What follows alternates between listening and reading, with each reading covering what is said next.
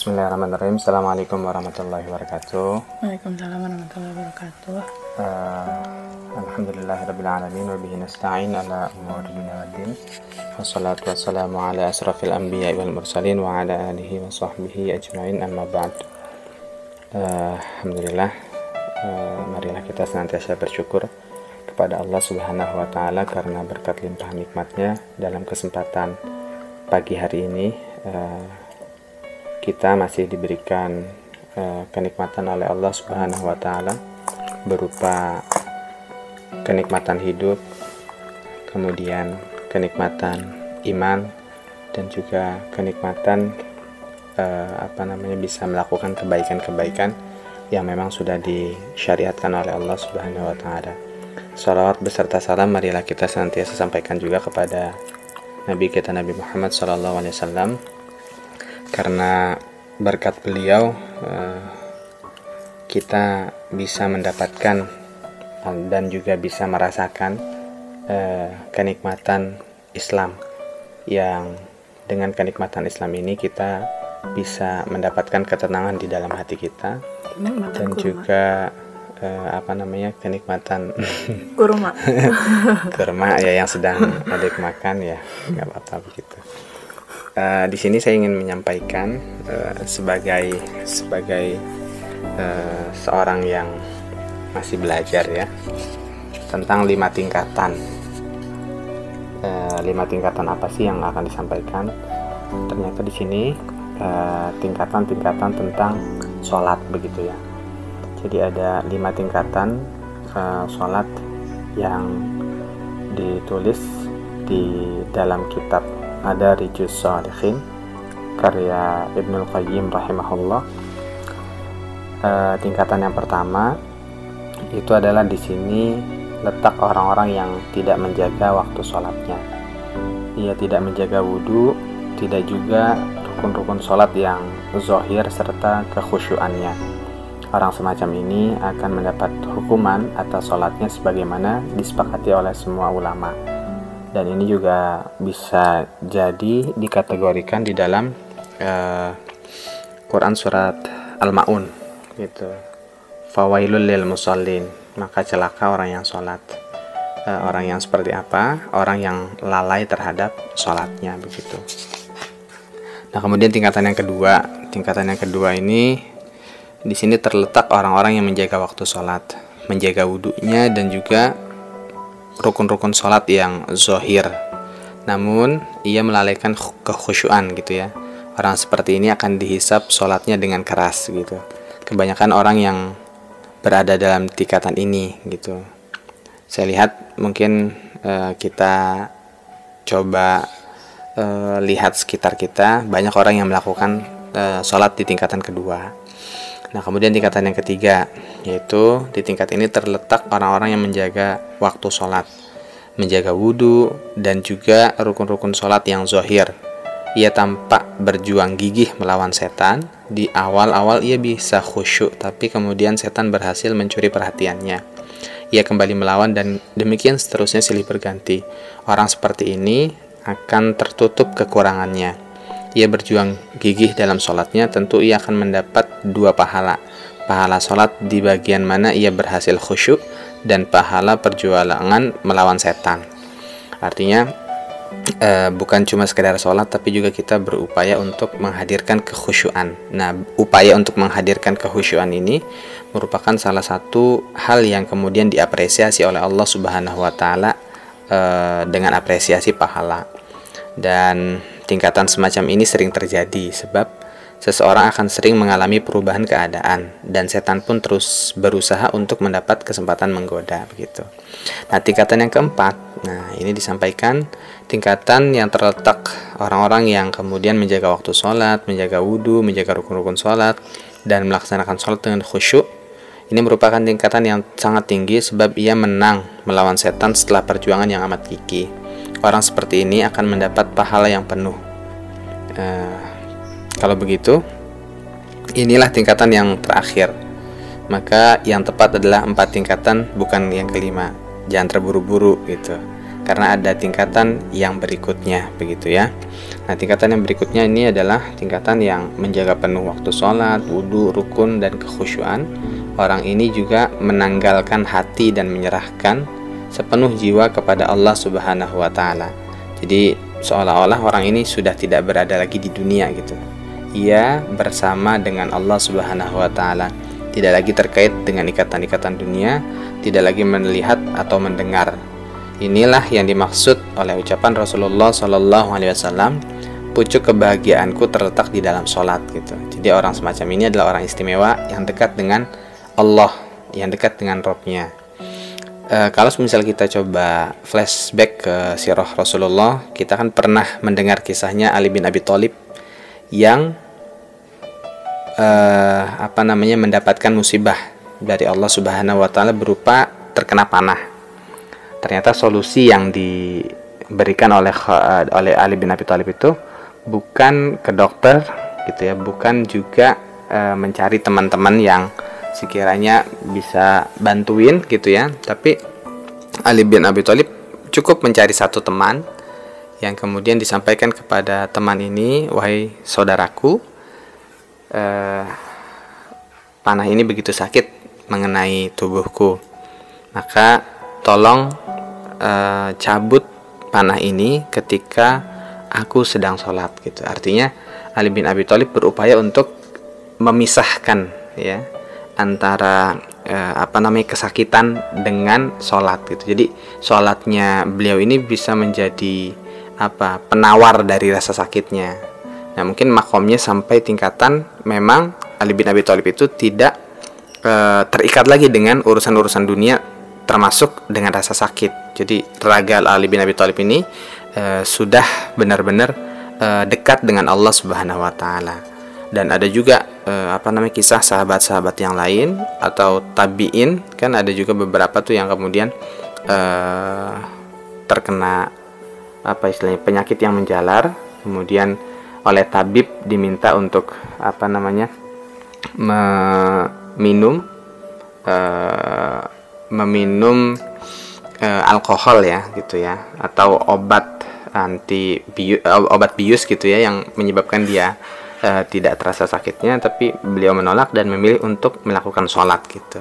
Jadi tingkatannya udah pada tingkatan tertinggi yang sampai pada uh, melupakan uh, apa namanya atau tidak lagi merasakan ikatan-ikatan dunia ketika uh, sedang sholat gitu. Nah pertanyaan pertanyaan terbesarnya adalah kita ada di tingkatan mana gitu? Ada di tingkatan pertama kah? Ada di tingkatan kedua kah? Ada di tingkatan ketiga kah? Di tingkatan keempat atau di tingkatan kelima gitu. Semisal kalau semisal kita berada di tingkatan pertama, maka secepat mungkin, sesegera mungkin kita buat program untuk melanjut gitu, untuk e, naik level, naik tingkat ke tingkatan yang kedua. Kalau semisal kita berada di tingkatan kedua, kita juga buat program gimana caranya biar bisa naik level ke tingkatan ketiga. Karena Eh, saya meyakini gitu untuk mencapai tingkatan yang kelima kita butuh tangga. Iya butuh usaha butuh anak tangga. Nggak mungkin kan baru belajar apa baru bisa sholat tiba-tiba langsung tingkatan kelima gitu langsung khusyuk. Saya rasa itu hal yang mustahil gitu. Makanya jangan sampai kita bosan dalam sholat kita kita terus berupaya uh, memperbaiki sholat kita sampai pada akhirnya Allah memutuskan kita tidak termasuk ke dalam golongan orang-orang yang melalaikan sholat kita gitu. Wallahu itu mungkin yang bisa uh, apa namanya uh, kami sampaikan. Semoga kita keren banget ini. Abang pernah nyampe ini di Liko nih. Abang baru ke ini lagi ke recall. Iya ya bang. Kira-kira kita tingkatan keberapa ya bang? Eh jangan kita. Abang tingkatan keberapa?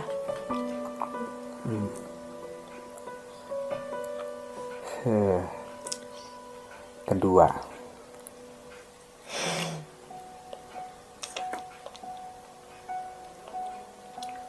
ada juga ngerasa tingkatan kedua. Sih. Rekam masih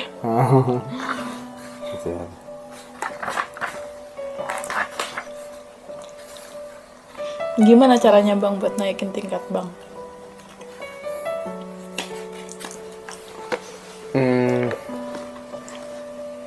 Pertama belajar.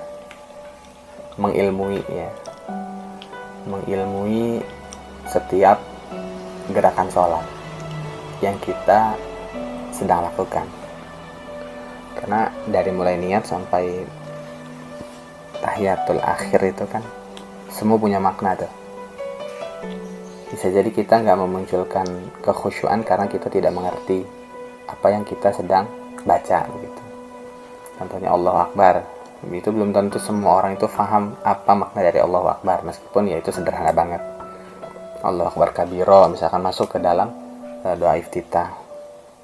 Uh, walhamdulillah uh, Allah Akbar kabiro walhamdulillahi kathira subhanallah bukrata wa asila dan seterusnya. Itu juga perlu dimaknai gitu. Jadi untuk menuju level yang berikutnya kita perlu uh, memaknai sholat, mengilmui sholat sebagaimana mestinya kita mengilmui gitu. Memaknai sholat sebagaimana kita mestinya memaknai. Ya subhanallah a'la bihamdi gitu kan. Itu kan artinya pujian untuk Allah Subhanahu wa taala.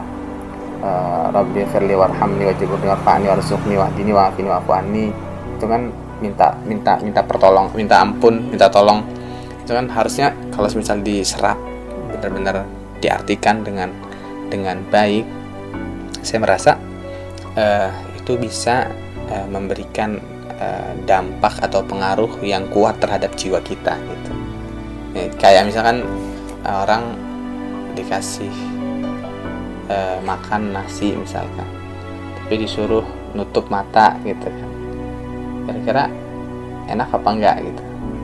Pasti belum uh, apa namanya istilahnya dia belum tentu itu bisa merasakan dengan nikmat ketika dia bisa uh, makan dengan melihat. melihat kayak gitu atau ketika makan rasa dari lidah itu bahal ibaratnya kan pernah ya mungkin kita minum air panas terlalu panas sampai-sampai lidah ini nggak bisa ngerasain beberapa saat rasa-rasa yang masuk kayak gitu.